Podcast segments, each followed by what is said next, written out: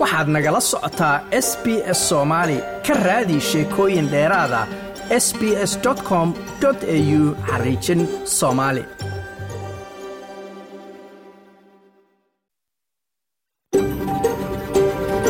SBS, a world of.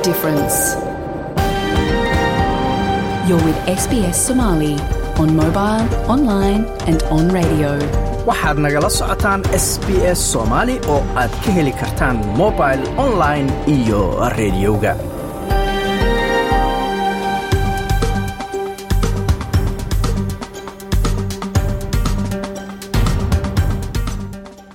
habeen wanaagsan dhammaantiinba meel kastoo aad joogtaan. Waa habeen arbaca bisha nofembarna ay tahay sagaal sannadka labada kun iyo labiyo labaatanka halkaad naga dhegaysanaysaanna waa laanta af soomaaliga ee idaacadda s b s oo idinkaga imanaysa stuudiogan ku leenahay magaalada melbourne. Magacayguna waa xasan jaamaac waxyaalaha aad caawa idaacadda ku maqli doontaanna waxaa ka mid ah inaan isku xidhno carruurta dhaqankooda iyo iyo inaan isku xidhno iyo dhallinyarada ayay qodobka annaga ugu weyn.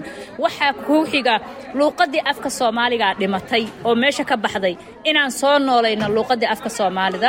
Waxaan doonaynaa inaan insha allaahu ku dadaalno inaan helno meel lagu bilaabo luuqadda afka soomaaliga insha allah taasaan rajaynaynaa hadduu ilaah yiri waa xaflad lagu qabtay magaalada melbourne oo markaasi xoolo ama lacag loogu aruurinayey xarunta elays oo ay soo qabanqaabisay ururka east african womens foundation waraysi ayaad ku maqli doontaan sidoo kale waxaad maqli doontaan There are sometimes figures within governments who think, well, if we're providing the funding towards that public media organisation, you know, it shouldn't criticise us or it should. Waa warbixin ku aadan xorriyadda saxaafadda iyo jiritaanka warbaahin kala duwan gaar ahaan sida warbaahintu ay uga shaqayso dalkan australia iyadoo ay ka mid yihiin warbaahin markaasi dowladda ama shacabku ay maalgeliyaan sida s b s ta iyo a b c da iyo weliba kuwo sida gaara loo leeyahay sida ay u shaqeeyaan iyo nidaamka guud ee dalkan australia iyo caalamka ayaad warbixin ku maqli doontaan. Sidoo kalena waxaad maqli doontaan warkii u dambeeyey ee arrimaha soomaaliya. Marka horese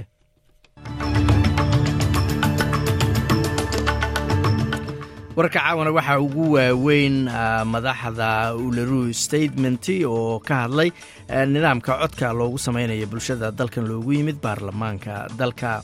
Senator james barterson waxa uu ku baaqayaa in dib eegid lagu sameeyo sida dowladdu ay uga jawaab celinayso weeraradii dhanka kombyuutarada ahaa ee lagu qaaday mary bank ra'isul wasaare antony albanisina waxa uu sheegay inuu diyaar u yahay inuu la kulmo madaxweynaha china shi shinping iyagoo isugu iman doona shirar caalami ah oo dhowaan la qaban doono wararkaas iyo kuwo kale u diyaar garooba.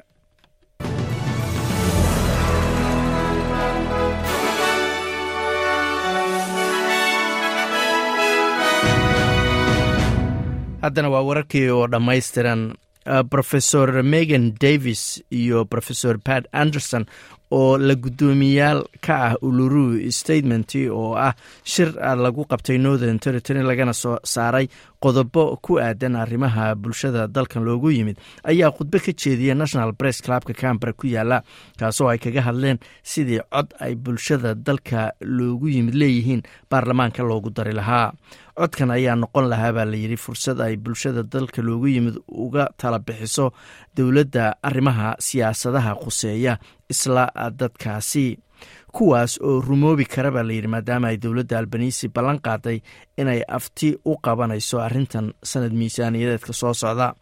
Megan davis ayaa bress clubka u sheegtay in marka la fiiriyo qaladaadkii hore loo galay in la dhegeysto codadka dalka dadka dalka loogu yimid ay tahay waxa ugu yaraan ay dowladdu samayn karto The dialogue process and the Uluru Statement from the Heart is a profound response. Hanaanka wadahadalka iyo uluru statement from the heart waa jawaab qoto dheer oo laga bixinayo taariikhda takoorkii looga saaray dadka dalka looga yimid dastuurka australia waxaa jira wax ay ka midaysan yihiin bay tiri dadka dalka looga yimid iyo shacabka guud ee australia marka laga hadlayo rabitaanka ah in isbeddelku uusan noqon mid magac u yaalla mid magac u yaalla ee uu noqdo mid waxgal ah waana inuu wax ka bedelo ayay tiri nolosha dadka caadiga ee dalkan loogu yimid.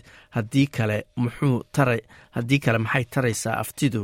Ayay tiri ololaha loogu jiro in codka dadka indigeneska lagu daro baarlamaanka ayaa weli socda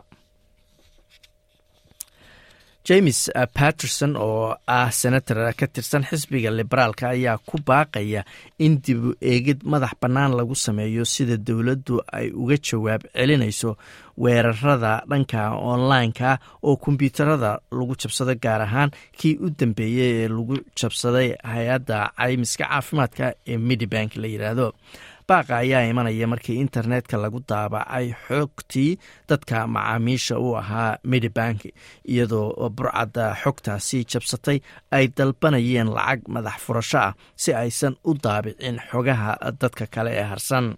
Wuxuu sheegay in shacabka australia xaq u leeyihiin inay ogaadaan sida dowladdu ay ugu diyaargarowday inay wax ka qabato khataraha mustaqbalka ee ku aadan xogta online-ka laga jabsado ama laga xado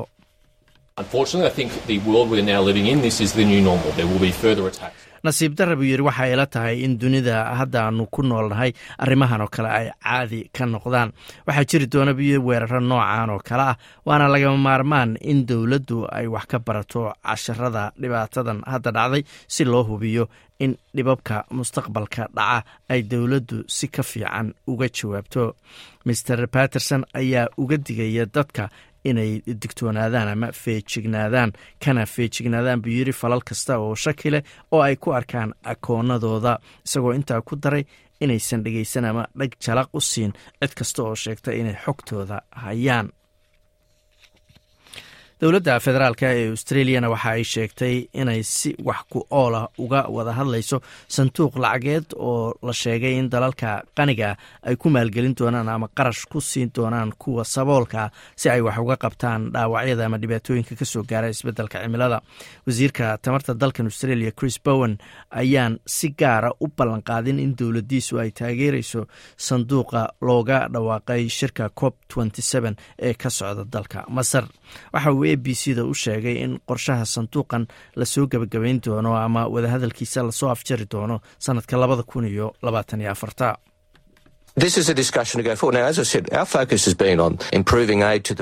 waa wadahadal sii socda ayuu yidhi arrintan sidaan hore u sheegayna. Diiradda hadda waxaanu saaraynaa sidaanu u hagaajin lahayn. Gargaarka aanu siino basifiga dalalka ku yaalla annagoo la shaqaynayna saaxiibadeenna basifiga ayuu yidhi oo dalalka jasiiradaha badda basifiga ku yaalla ah halkaad weli nagala socotaan waa laanta af soomaaliga ee idaacadda s b s ra'iisul wasaare antony albanise ayaa sheegay inuu u furan yahay ama albiibkiisu ay u furan yihiin fikradda ah inuu kulan la qaato madaxweynaha china. Marka ay labadan hogaamiyo ka qayb galaan tiro shirar caalamiya oo dhici doona laga bilaabo dabayaaqada asbuucan. Ra'isul wasaaraha ayaa waxa uu ka qaybgeli doonaa afar shirar goboleed iyo kuwo caalamiya oo ay ka mid yihiin shirka asian la yiraahdo kan east asia la yiraahdo g twentyga iyo abac shirweynaha la yiraahdo. Mr albanise ayaa sheegay in albaabkiisa uu u furan yahay diyaarna uu yahay inuu la kulmo lana hadlo shi shinping oo isaguna ka qaybgeli doona shirka g oo ka dhacaya magaalada baali ee dalka gobolka baali ee dalka indonesia. Sidoo kalena waxa uu shi shinping ka qaybgeli doonaa shirka abac oo isaguna ka dhacaya thailand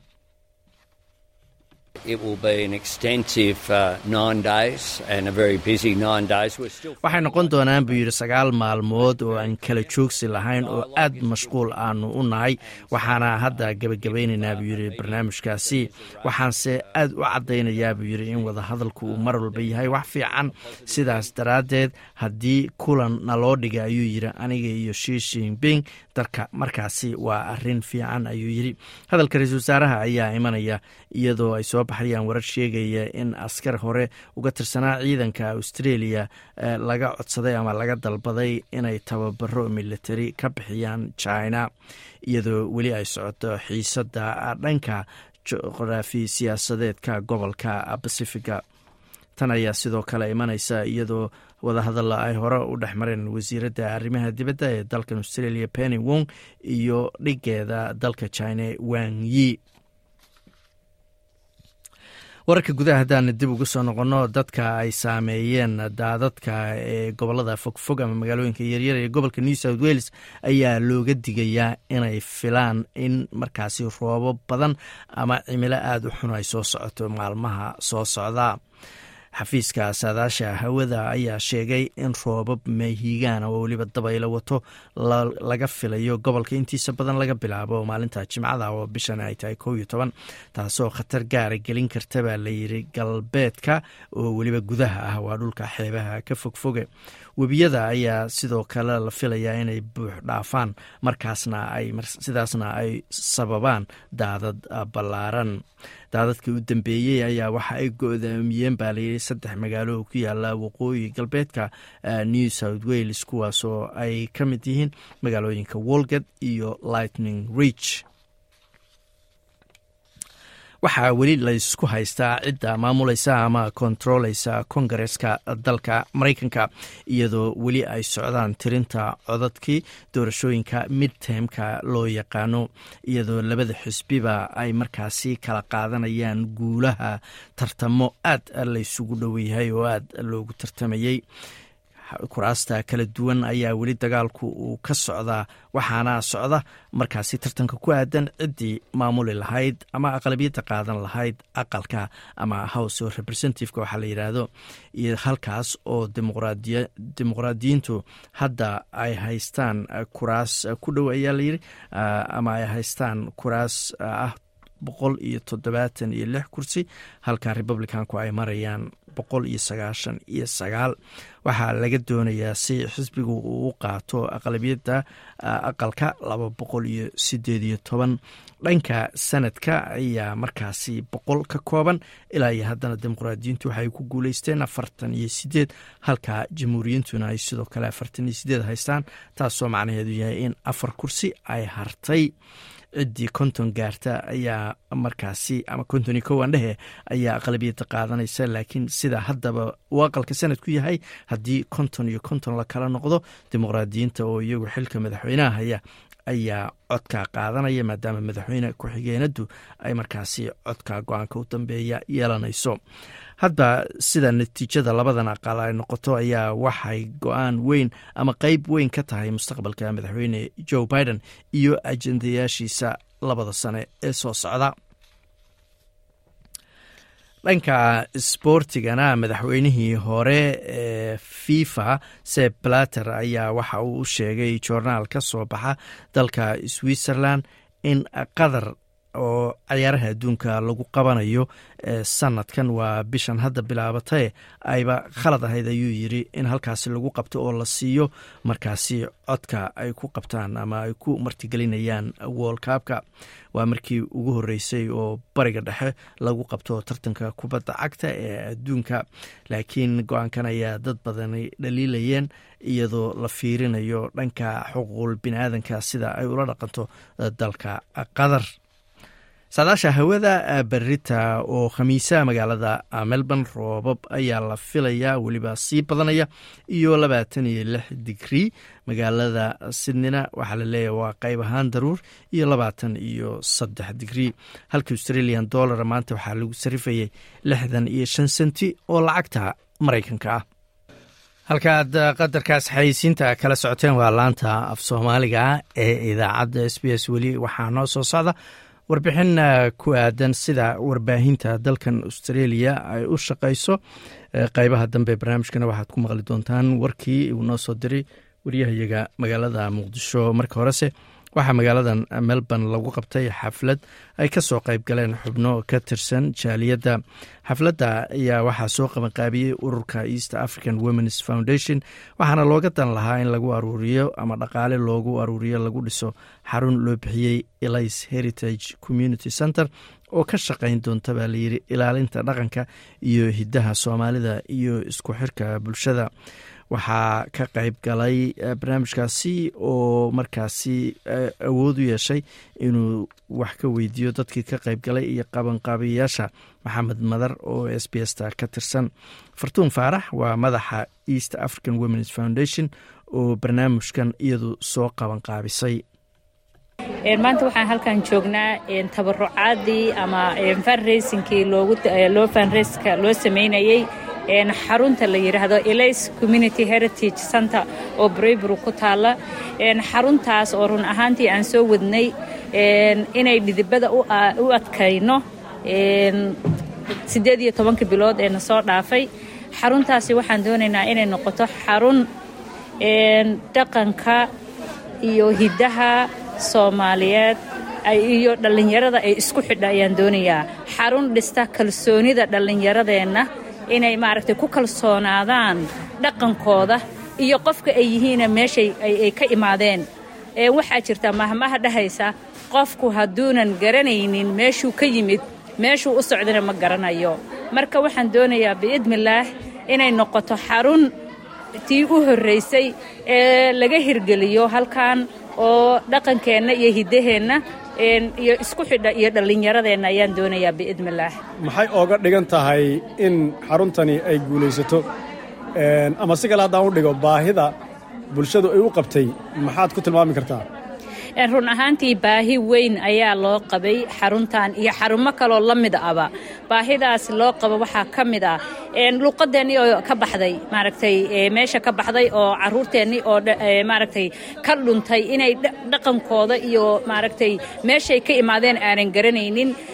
Taariikhdii soomaaliyeed dhaqankii soomaaliyeed carruurta dhallinyarada iyo jiilalka soo kacaya iyo dadka waaweyn oo laysku xidho oo kala faa'iidaysta. Waa qodobka u horraysay aan doonayna xarunta inay qabato.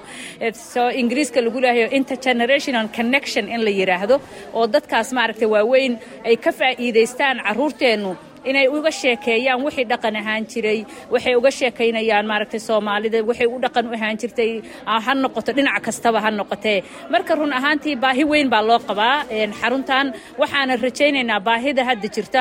Hadday wada dabooli weydana in badan inay daboosho ayaan rajaynaynaa inaan tababaro ku samayno oo carruurtu aan maaragtay dhisno. Marka hore qofka bini'aadanka ah waxaa waxaa lagaga bedeli karaa in wax badan wax loo sheego oo la wacyigeliyo oo loo sheego qofka uu yahay qofka isaga ah. Marka insha allah waan dadaalaynaa.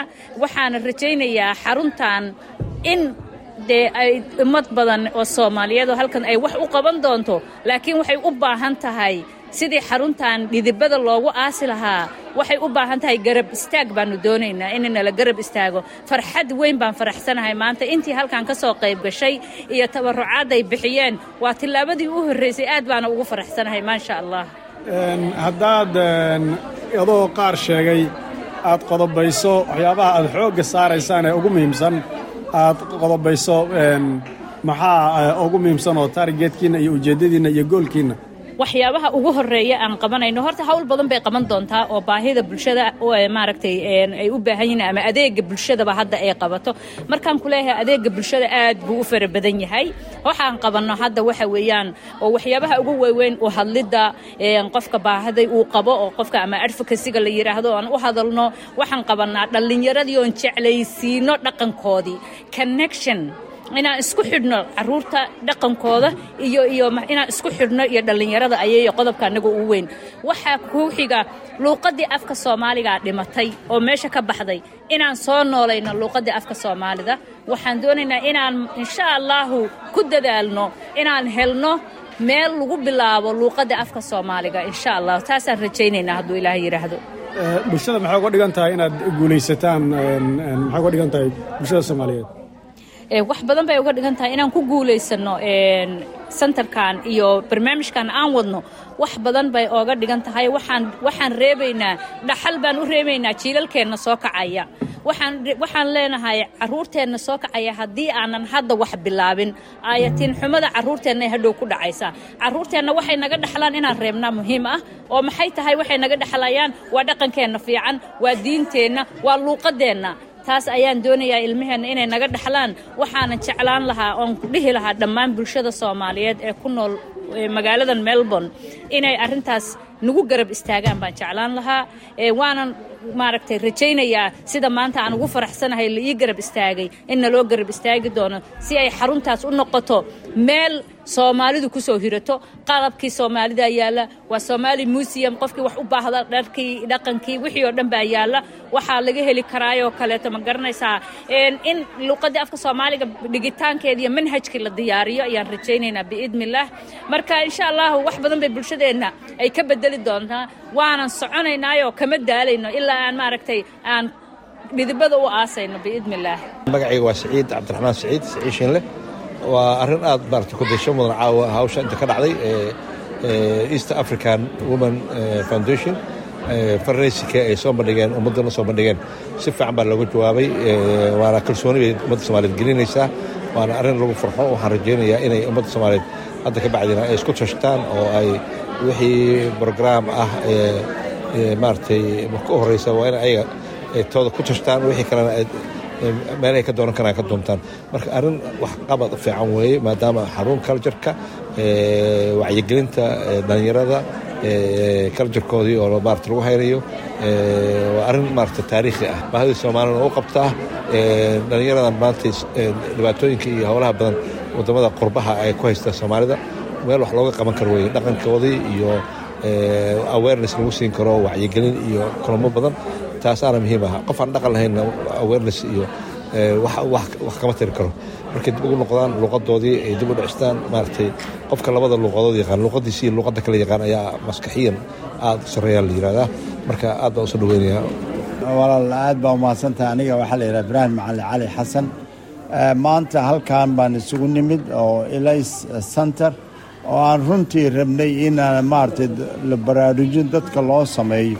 Si dhaqankeenni iyo diinteenni loo xafido waxaa muhiima inaan jiilalka soo socdo laga fikiro oo lagu talagalo sidii ay maaragtay diintooda iyo dhaqankooda u sii haysan lahaayeen.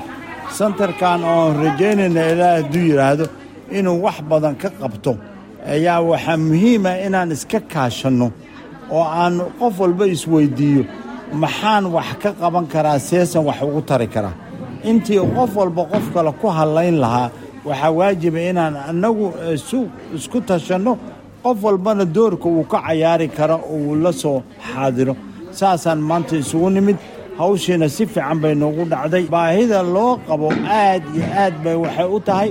Santarka laftiisa inaan ka dhigno meel isku filan oo maalin walba uusan maaragtay raadsanin waxyaabo ii sheeg dhaqaale aan dadka laga yaboohin. Laakiin loo sameeyo meelo oo cuntada lagu kariyo si markaa cuntada ay u sii iibiyaan xafladaha lagu qabsado isagana saa isu bixiyo. Waxaana muhiima waa meel loogu talagalay in luqadeenna iyo dhaqankeenna qaybta fiicnaa lagu xafido looga hadlo ciyaalka lagu baro si ay ugu faanaan hadhowna ay ugu sii gudbiyaan jiilasha soo socda. Hirgelinteedu waxaa uga dhigan tahay bulshada. Hirgelinteedu waxay aad aad u noqonaysaa tusaale inaan nahay ummad jirta dhaqan leh dhaqanka iyaguna uu yahay ku mid maaragtay wax ku soo korriya bulshooyinka uu la nool yahay. Geesinimaa ku jirtay dad isku filan oo qofka asagoo yariiska hawshiisa iyo maaragtay reerihiisa ku filan baa ku jirtay marka dhaqankeennii qaybtii wanaagsanayd cid taqaano jiilasha soo socota aad bay u yaraan doontaa. Haddaanan hadda aanna hirgelin meelo ay ku faanaan oo ay u soo yimaadaan oo ay ka bartaan dhaqanka wuxuu yahay. Magacaygu waa maxamed maxamuud geelle laakiin dadku ay geelle ii yaqaanaan. Maanta waxaan halkan u imaanay inaan u samayno lacag aruurin ama fundraising haddii kale sida dadku u yaqaanaan inta badan ama qaaraan ama harambe baa anagu beriga hore dhihi jirnaye lacag loogu wareeriyo xarunteenna cusub elays oo hadduu ilaahay idmo noqon doonta meel dhaqanka iyo diinta iyo tarbiyeynta ciyaalkeenna iyo looga faa'iidaysto. Hawshan maanta dadkii soo qabanqaabiyey aad bay u soo agaasimeen alxamdulilah rabbilcaalamiin si fiican bay u dhacday. Kuwo kale oo ayada la mida in la qabtana waan rajaynaynaa haddee wax walba mar baa la bilaabaa waa bilowgeennii waxaan rajaynaynaa inay noqoto xaruntii labaad oo soomaali leedahay. Horey mid baan u sii lahayn amson center maasha allah marxalado badan buu soo maray. Tanna waxaan rajaynaynaa iyadana waa un brocesse waxaa laga yaabaa dadka hadda bilaabay inaysan dhammaystirin inay maxaan ku dhahay insha allahu tacaala la dhammaystiro oo ay xarun noo noqoto aan iskugu imaano isku booqanno. Baahida loo qabo xarumahan oo kale aad bay xaqiiqatan u badan yihiin. Mana aha wax hadda maanta halkan keliya lagu soo koobi karo. Dee waynu ka dharagsannahay waan naqaanaa waddankan aan ku noolnahay communitiyada ka jira iyo xarumaha ay leeyihiin. Haddaanu nahay soomaali innagu waxaan isticmaalaa xarumo dadka la leeyahay mar walbaba. Xaqiiqatan waxyaalaha aadka ii xanuujiya waxaa ka mid a inay soomaalidu tahay consumers keliya.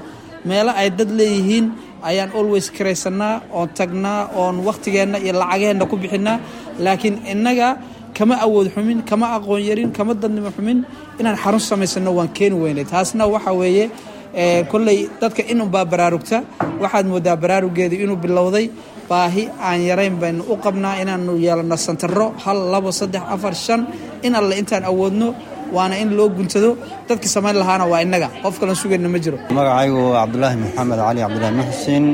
Maanta meeshan aynu isugu nimid ilaahay subxaana wa tacaala marka koowaad waxaan weydiisanaynaa in hindisahaas iyo tallaabada quruxda badan ee aan qaadnay alla inuu inooga dhabeeyo oo aynu ku guulaysanno ujeeddadeenna iyo yoolkeenna aynu doonahayno taasoo aynu ugu ololaynhayno ama aynu isugu nimid maanta tabarucaaddan aynu ugu samaynhayno ama fundraisingkaas xarun ummadda matasha oo dhaqankooda iyo diintooda iyo dadnimadooda iyo deeqdoodaba intaba loogu ilaaliya baahida runtii hawshaas ayada loo qabaana aad iyo aad bay u badan tahay. Xadiid walaa xaraj wey wax laga sheekayn kara ma aha.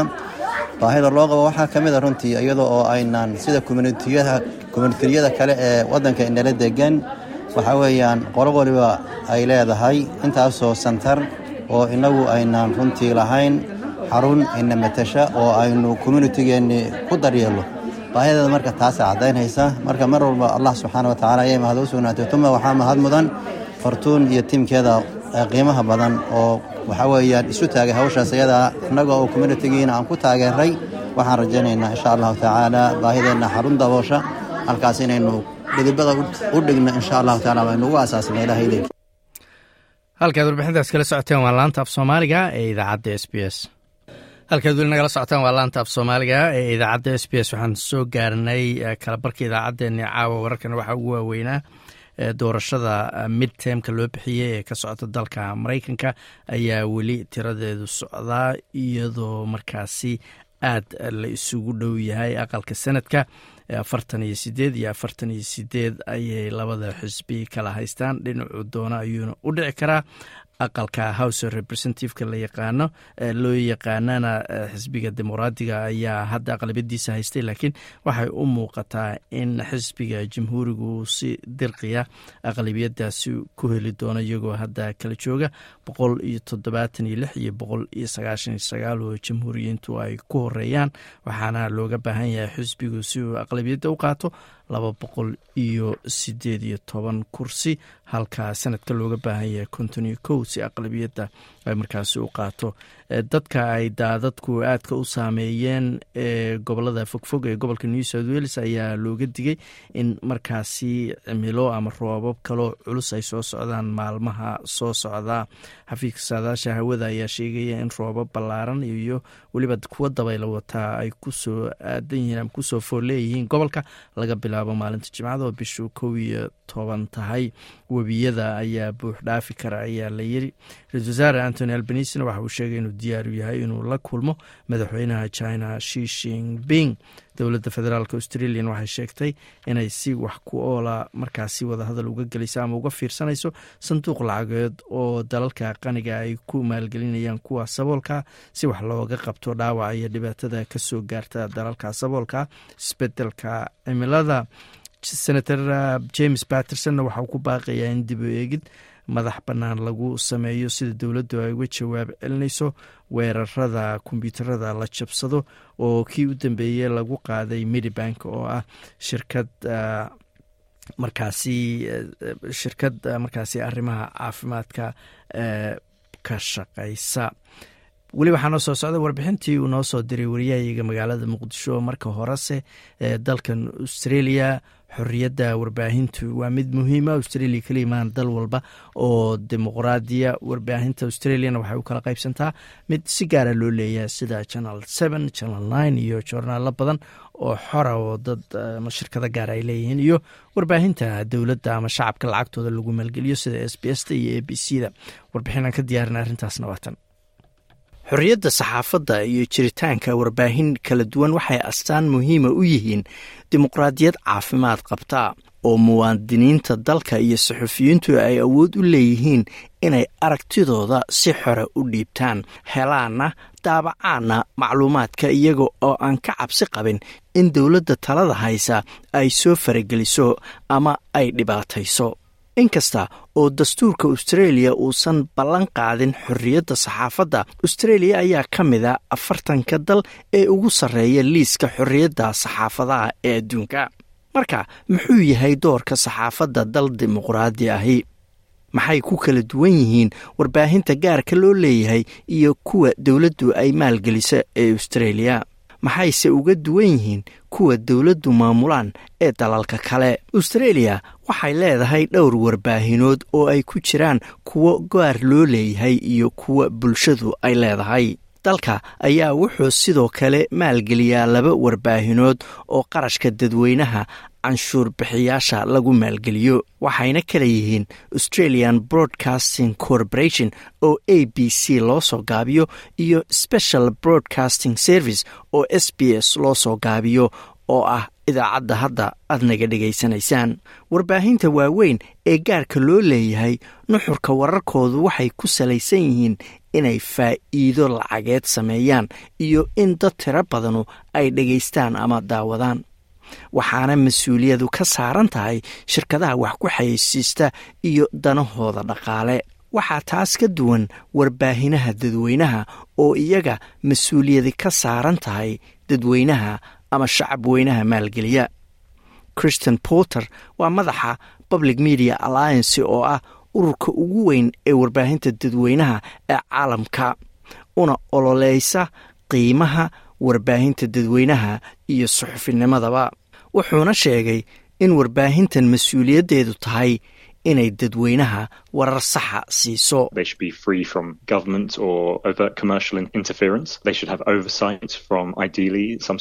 Waa inay ka madax bannaan yihiin dowladda iyo faragelin dana ganacsi oo cadcad. Waa in dusha ay ka maamusho hay'ad madax bannaani waana inay bixiso warar dhexdhexaada oo taya leh oo dadka siiya ama ka haqabtira warar waxbarasho iyo madadaalinta bulshada. Warbaahinta dadweynuhu waa inay noqoto mid laga helo macluumaad lagu kalsoonaan karo marka xaalad deg dega ay jirto iyo dhibaatooyin kale. Waa inay tahay mid looga hortago wararka been abuurka waana inay dadka oo dhan gaaraan ugu dambayntana ay dadka la socodsiiyaan arrimaha dimuqraadiyadda gaar ahaan wakhtiyada doorashada. Warbaahinta dadweynuhu waa inay soo bandhigto sida loo maalgeliyey sida loo maamulo iyo sida ay lacagaha la siiyey u qarash gareeyaan. Wendi bacon waa aqoon-yahanad suxufiyadna hore u ahaan jirtay siyaasaddana u ololaysa waxay brofesoorad suxufiyad ka ahaan jirtay jaamacadda university of technology sydney ama u t s loo soo gaabiyo muddo labaatan sanaa waxay sheegtay in warbaahinta dadweynuhu ay yihiin madal codad kala duwan iyo barnaamijyo noocyo kala duwana laga sii daayo kuwaasoo ka turjumaya baahida warbaahineed iyo aragtida bulsho weynta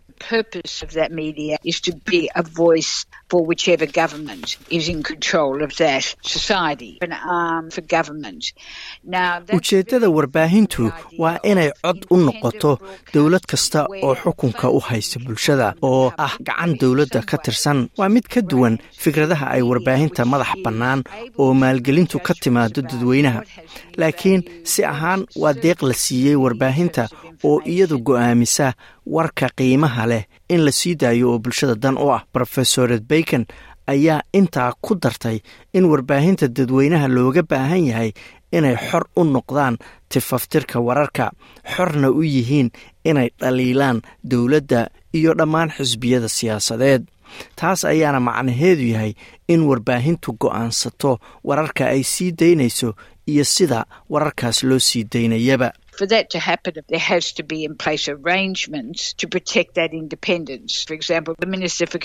Si taasi u dhacdo waa inay jiraan heshiisyo lagu difaacayo madax bannaanida warbaahinta. tusaale ahaan wasiirka isgaarsiintu si toosa uma maamuli karo waxna uguma sheegi karo warbaahinta dadweynaha halka warbaahinta dowladda ay maamusho ee dalalka qaar ka jira wasiirku amar toosa uu u siin karo warbaahintaasi. Warbaahinta dowladdu maamusho waxay caadi ka yihiin talisyada keligitaliska ah waxayna inta badan sii daayaan wararka dowladda u fiican iyo kuwa wadaninimo ay ka muuqato. Warbaahinta dadweynuhu waxay tiir u yihiin dimuqraadiyadda maadaama ay dhiiro geliso doodo kala duwan oo bulshadu yeelato iyo in lala xisaabtamo dadka maamulka ama xilka haya. Najaad basaar waa soo saaraha laanta afka turkiga ee s b s. Intuusan ku soo biirin idaacadda s b s ee dalkan australia wuxuu saxufi ka ahaa dalkiisa hooye ee turkiga. Wuxuu sheegay in dowladda turkigu ay si buuxda u maamusho waxa laga sii daynaya warbaahinta ama si toos ah ha u maamusho ama warbaahin ay maamusho ha ahaadeen ama warbaahin ay leeyihiin kooxa dowladda la shaqayse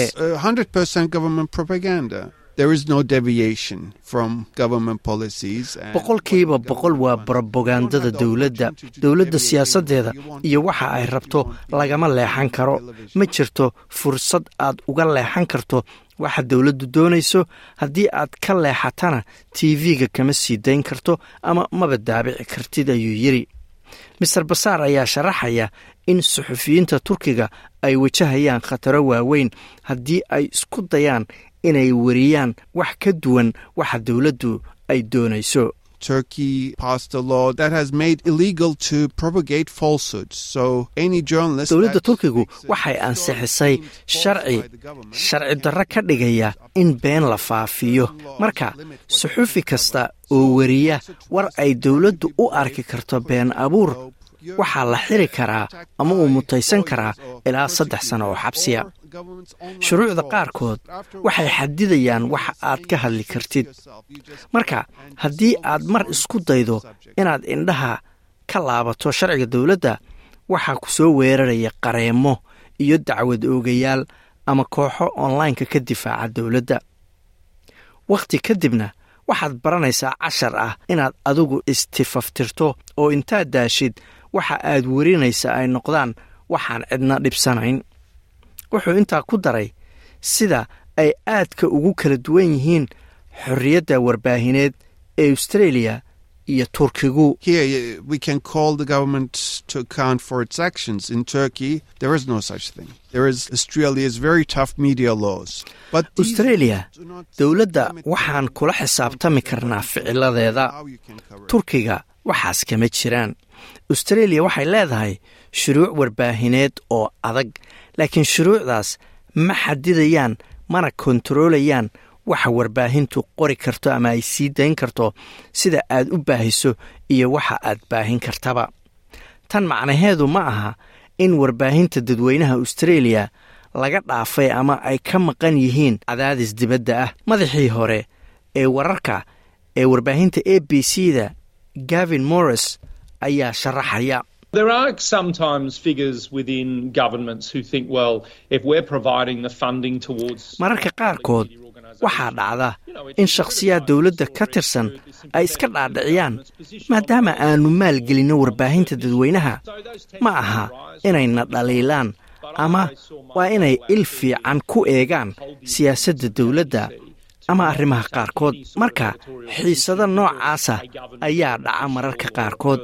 Laakiin waxaan mar walba u arkayay in shaqadaydu ay tahay inaan ilaaliyo madax bannaanida a b c da oo aanan yeelin in sida dowladdu wax u rabto aannu u warinno ama inaanan oggolaan waxyaalaha qaarkood oo dowladdu ay doonayso inaanba la sheegin ama laga warramin. Marka maxay dadweynuhu ka filayaan warbaahinaha a b c da iyo s b s ta labadan warbaahinaha dadweynaha ayaa waxaa maamula xeerarkiiba u gaara oo ku saabsan siyaasadaha tifaftirka xeer dhaqameedkooda kuna khasbaya in waxa laga sii daynayo ay noqdaan macluumaad dhexdhexaada.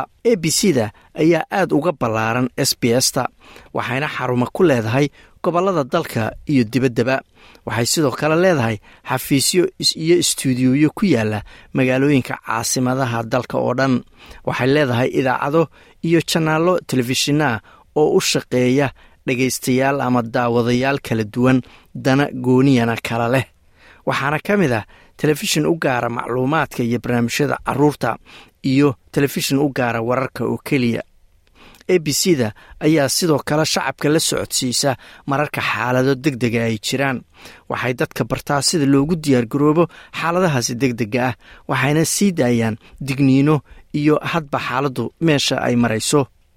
Waa kan mar kale gavin morris In recent years, that has grown for the ABC because of its big regional and rural footprint. sannadihii u dambeeyey waxaa sii kordhayey wararka xaaladaha deg dega ah ee a b c da ka baxa isbeddelka cimilada awgeed taasina waxay sii kordhisay doorka iyo muhiimadda a b c da laakiin waxaan sidoo kale xarumo badan ka samaysannay gobollada yaryar iyo miyiga si aannu u bixinno wararka xaaladaha deg dega oo muhiim taariikhiya hadda yeeshay. S b s tuna waa warbaahinta qaran ee ka warranta dhaqamada kala duwan ee dalka australia. Waxay leedahay janaallo t v-ya oo barnaamijyo caalamiya soo daaya. Sidoo kale wararka ku baxa af ingiliishka iyo luqado kale. Waxay sidoo kale siisaa dadka aan af ingiliishka ku hadlin warar iyo madadaalooyin ka yimaada dalalkoodii hooyo. S b s tu waxay sidoo kale hoy u tahay n i t v oo ah telefishin qaran oo ay leeyihiin dadka dalka loogu yimid oo sii daaya macluumaadka iyo wararka ku saabsan aragtiyada dadkaasi dalka loogu yimid.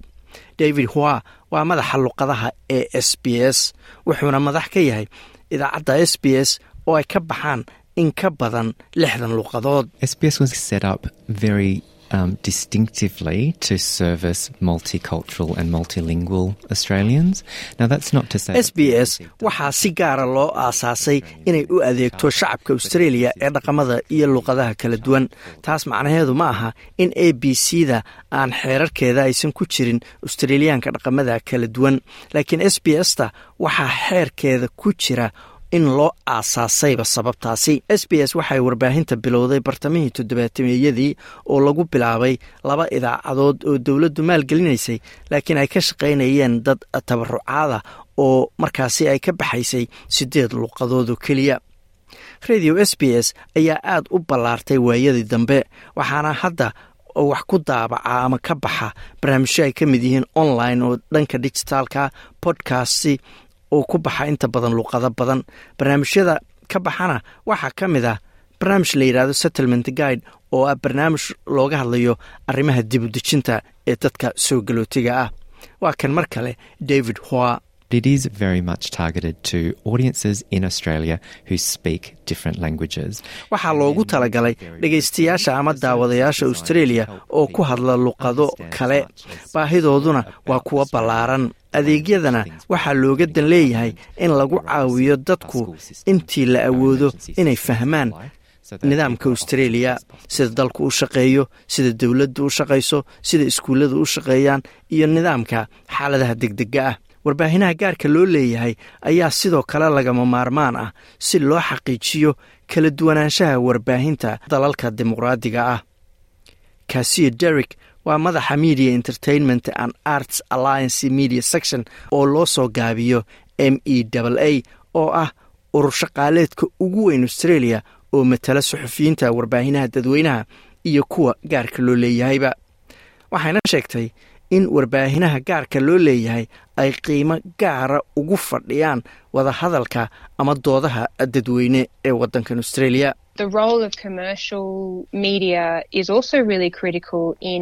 Doorka warbaahinnaha gaarka loo leeyahay runtii waa muhiim. arrimo gaara ama aragtiyo kala duwan baa ha dabooleene waxayna ila tahay inay runtii muhiim tahay in dadka australia ay helaan aragtiyo kala duwan iyo siyaalo kala duwan oo wararka loo soo tabiyo rofesor windy bacon waxay suxufiyad ahaan uga soo shaqaysay warbaahinta dadweynaha iyo kuwa gaarka loo leeyahayba. Waxay sheegtay in in kasta oo qaar ka mida warbaahinta gaarka loo leeyahay ay shaqo fiican qabtaan barnaamijyadooda waxaa inta badan loogu talagalay inay soo jiitaan dad badan oo daawada si ay u kordhaan dakhliga xayeysiinta ka soo gala. Ujeeddada ugu weyn ayay tiri waa inay lacag badan sameeyaan shirkadaha xayeysiintuna waxay fiiriyaan inta qof ee daawanaysa ama dhegaysanaysa barnaamijka ay wax ku xayeysiisanayaan. Marka laga soo tago warbaahinta newscob waxaa jira warbaahino waaweyn oo gaar loo leeyahay sida seven west media nine entertainment oo joornaalo iyo telefishinaba leh.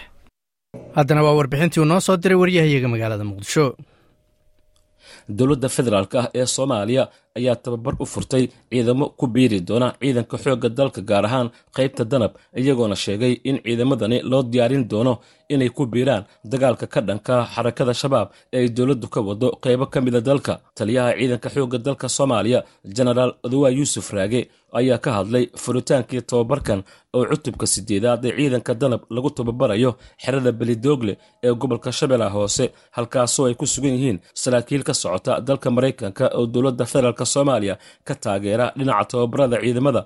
Taliyaha oo khudbad u jeediyey ciidamada tababarka loo furay ayaa sheegay inuu ku faraxsan yahay inuu arko ciidamo cusub oo tababar u qaadan doona difaaca dalkoodii islamarkaana qayb ka noqon doona ciidamada dagaalka kula jira ururka al-shabaab. Runtii aad iyo aad ayaan ugu faraxsannahay idinkagala mahad celinaynaa waxaad la socotaan guud ahaan gobollada dalka ayaad ka timideen. Waxaad la socotaan mushkiladaha iyo dhibaatooyinka ururada argagixisada ah xagjirka ah oo ay ku hayaan ummadda soomaaliyeed oo ay bannaysteen naftooda iyo maalkooda sharafkooda iyo cisigooda. Marka inaad taas aad muxuu aha ii sheegay ka hor tagtaan qaybna ka noqotaan la dagaalankooda looga xuraynaayo dhammaan geyiga soomaaliyeed iyo geeskan aan ku naallaba aad iyo aad ayay u leedahay muhiimad gaar ah waxaana is leeyahay runtii waa go'aankii ugu wanaagsanaa ee qof bini aadmiha u qaada lahay go'aanka aad qaadateen. Halkan sida macallimiintu hore u sheegeenba ma tihidiin intagii ugu horreeyay kii labaad kii saddexaad kii sideedaadaad tihiin ee halkan ka baxaya ee ciidanka danab. Runtii waxaad la socotaa saaxiibadii idinka horreeyay halkan ka baxay cadowga ee casharada ay ugu dhigayaan qaybo kala duwan oo dalka ka mid ah. Adinkana dabcan kuwaas ayaad ku biiri doontaan waxaadna ka sii wadi doontaan meesha ay hadda geeyeen oo ay hadda taagan tahay iyo meesha ay gey doonaan intaad hadda halkan ku sugan tihiin. Ayaad ka sii wadi doontaan dhammaanteen aan ka sii wada wadi doonaa idanka ilaahay. Taliyaha ciidanka xoogga dalka odawa yuusuf raage ayaa kula dardaarmay ciidamadu inay u dheganuglaadaan oo ay ka faa'iidaystaan casharada ay siinayaan maclimiinta ayna muujiyaan sida uu yidhi akhlaaq wanaagsan iyo dulqaad si ay uga mid noqdaan ciidanka xoogga dalka soomaaliya waxaan rabaa marka inaan arrin yaroo dardaaran idin siiyo. Waxaad maanta haysataan fursad aadan berri heli doonina. Maanta waxaad haysataa jaanis aad wax ku barato. Waxaad ku jirtaa dugsigii tababarka ayaad maanta ku jirtaa. Waxaa ku hor taagan macallimiintii qaybahooda kala duunaa oo xirfadihii ciidanka ay ku dhammaystiran yihiin. Waxaad haysataa marka waktiga maanta inuusan ku dhaafin. Waxaad u baahan taha maanta inay furnaadaan dhegahaagu inay furnaato maskaxdaadu inay furnaadaan indhahaagu. Dhammaan waxa halkan lagugu baraayana ay noqdaan wax aan ku dhaafin ee aad ku qaadato qalbiga iyo maskaxda. Si berrita aad ugu falgasho halkan waxay u baahan taha sida macallimiintu u sheegeen dishibiliin waxay u baahan tahay ishaaraadka iyo calaamadaha lagu siinaya inaad raacdo kanaadan leexan. Waxay u baahan tahay runtii akhlaaq dheeriya iyo awood dheeriya iyo dulqaad dheeriya iyo adadkaysi dheeriya inaad muujiso. Si yoolkaaga aad u gaarto oo aad uga dhabayso ka mid noqoshada ciidanka xoogga dalka soomaaliyeed gaar ahaan ciidanka danab.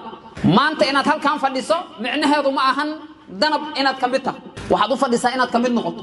Waxaadna uga mid noqon kartaa dhammaan waxyaabaha looga baahan yahay dugsigan tababarka iyo waxyaabaha ay u baahan yihiin macallimiinta wax ku baraya inaad raacdo ayaad uga mid noqon kartaa markaas hadda furihiyaad haysataa gurigi ma aadan gelin banaanka iridkiisaa taagantaa inaad furato marka hadday ku hor taallaa adiga. Haddii marka aad ku faylgarowdo oo aad furo weyso micnaheeda meeshaad yaad ku laabanaysaa. Taasna waxay kugu suurtagelaysaa waxa halkan looga baahan yahay iyo nidaamka halkan looga baahan yahay iyo macallimiintu waxa ay kuu sheegayaan inaad qaadato oo ay maskaxdaada galaan annaga ilaahayaan kuu baryayna inaad ugu faylgaroon waxaad halkan u timid. Waxaan idin rajaynaa insha allahu tacaala iyadoo halkan wixii aad u timideed aad qaadateen maskaxdiinnuna ay ka duwan tahay meesha aad sida ay maanta tahay meesha aad maanta joogtaan meel ka horraysana aad joogtaan inaan halkan isugu soo noqon doono dhammaanteen anagoo nabada insha allahu tacaala. Ciidanku wuxuu leeyahay mahmah meeshaad doontaba tag waxa waaye waxaa la yidhaahdaa dhididkaaga maalinta nabadda wuxuu badbaadiyaa dhiiggaaga maalinta dagaalka taas micnaheedu waxa waaye maanta dadaalka aad bixiso ayaad berri la tegi doontaa goobaha dagaalka dhankiisii gudoomiyaha gobolka banaadir ahna duqa magaalada muqdisho yuusuf xuseen jimcaale madaale oo dah furayey kulamo dadweyne oo ay shacabka gobolka banaadir qaarkood ku taageerayeen kacdoonka shacabka iyo midka ciidamada qalabka sida ee ka dhanka xarakada shabaab ayaa waxa uu sheegay in iminka qoysas fara badan oo shabaab ay soo gaarayaan sida uu sheegay magaalada muqdisho ayna muhiim tahay in laga digtoonaado oo dadka reer muqdisho gacan ka geystaan sidii ciidamada gacan loo siin lahaa. Gudoomiyaha gobolka waxa uu sheegay in guud ahaan qaybo badan oo dalka iminka uu ka socdo dagaalka ka dhanka xarakada shabaab islamarkaana meelo kale uu ka bilaaban doono taasoo la doonayo in guud ahaanba bulshadu ay ka qayb qaataan sida uu yidhi.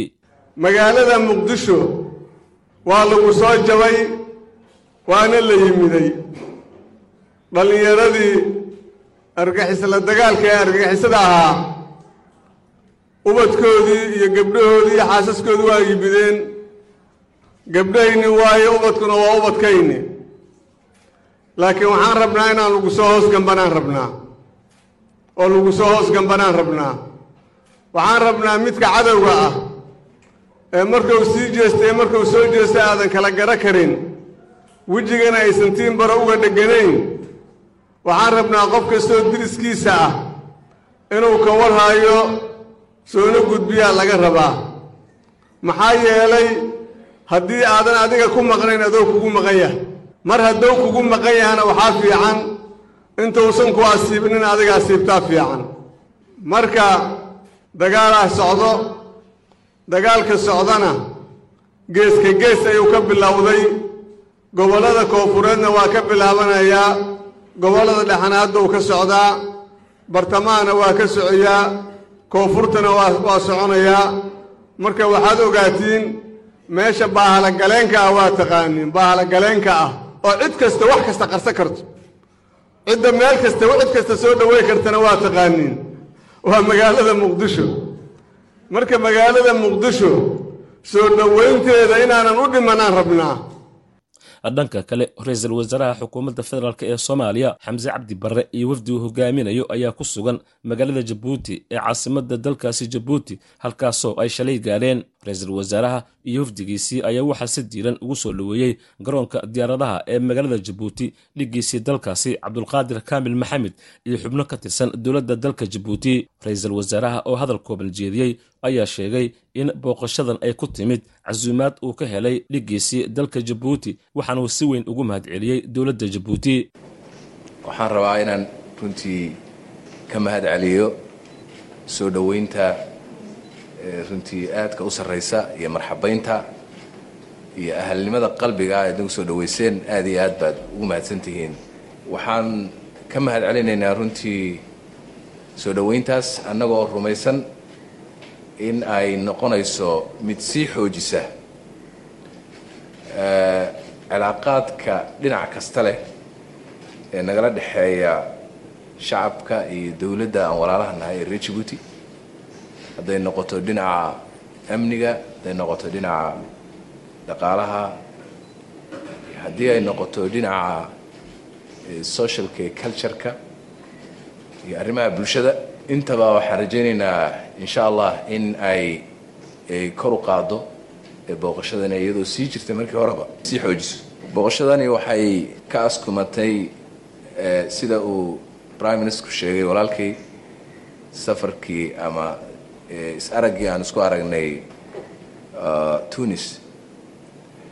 Markaas oo uu prime ministerku nagu marti qaaday inaan nimaadno dalkanagii labaad iyo jabuuti maanta in ilaahayna keenay waa ku farxaysannahay sidoo kale ra'iisul wasaaraha soomaaliya xamse cabdi barre oo inta uu ku sugan yahay dalkaasi jabuuti kulamo la qaadan doona madaxda dalkaasi ayaa waxa uu sheegay in dowladda jabuuti uu uga mahad celinayo garab istaageedii taariikhiga ah ee dalka soomaaliya isagoona sidoo kale si weyn ugu ammaanay gacantii ay ka geysteen dadkii ku waxyeeloobay qaraxii sagaal iyo labaatankii bishii aynu ka soo gudubnay ka dhacay magaalada caasimadda ee muqdisho. Laga soo bilaabo carta xilligaas ilaa maalinka maantaana hiil iyo hooba la garab taagnayd si ay dowladdaasi ku hirgeli lahayd cagaheeda ugu istaagi lahayd waxaad runtii dhinac kasta ayaad ku garab istaagteen. Hadday noqoto dhinaca amniga hiil walaal baa jooga ad ogtihiin. Dhinaca siyaasadda oo mar walba taageeradeedu ay daba taagan tahay.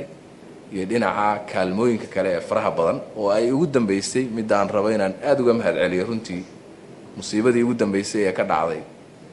Sida aada u soo gurmateen iyo hiil walaalnimadii oo haddana foom kale ku yimid aad iyo aad baad ugu mahadsan tihiin waan idinka mahad celinaynaa runtii gurmadkaas oo ilaa hadda shaqaynaya oo dhakhaatiirtii iyo dawadii iyo intaba walaalahood ay la garab joogaan oo la dhex joogaan aad iyo aad baad mar kale ayaan idinka mahad celinaynaa hawshaas. Iskaashigeenna insha allah wuu xoogeysanayaa midka amniga midka dhaqaalaha iyo midka aad hadda ka hadashay mudane prime minister oo ah arrimaha hadda taagan ee drodska iyo environmentiga hadda dhibaatada climate change-ga ee dhibaatada adduunka ka jirta waa ognahay kaasi wuxuu ahaa ra'iisul wasaare xamse barre oo ku sugan dalka jabuuti idaacaddeenii dabiiqadeeda ayaanu soo gaarnay caawa wararkan waxaa ugu waaweynaa senator james batterson oo ku baaqay in dib u eegid madax bannaan lagu sameeyey sida dowladdu ay uga jawaabto weeraradii dhanka internetka ee lagu qaaday midibanki sidoo kale ra'iisul wasaare antony albanise ayaa sheegay inuu diyaar u yahay inuu la kulmo madaxweynaha china shi shinping idaacaddeena caawa intaas ayaan ku soo gebagabaynaynaa waa aniga oo ah xasan jaamac oo inala intaas iyo nabadgelyo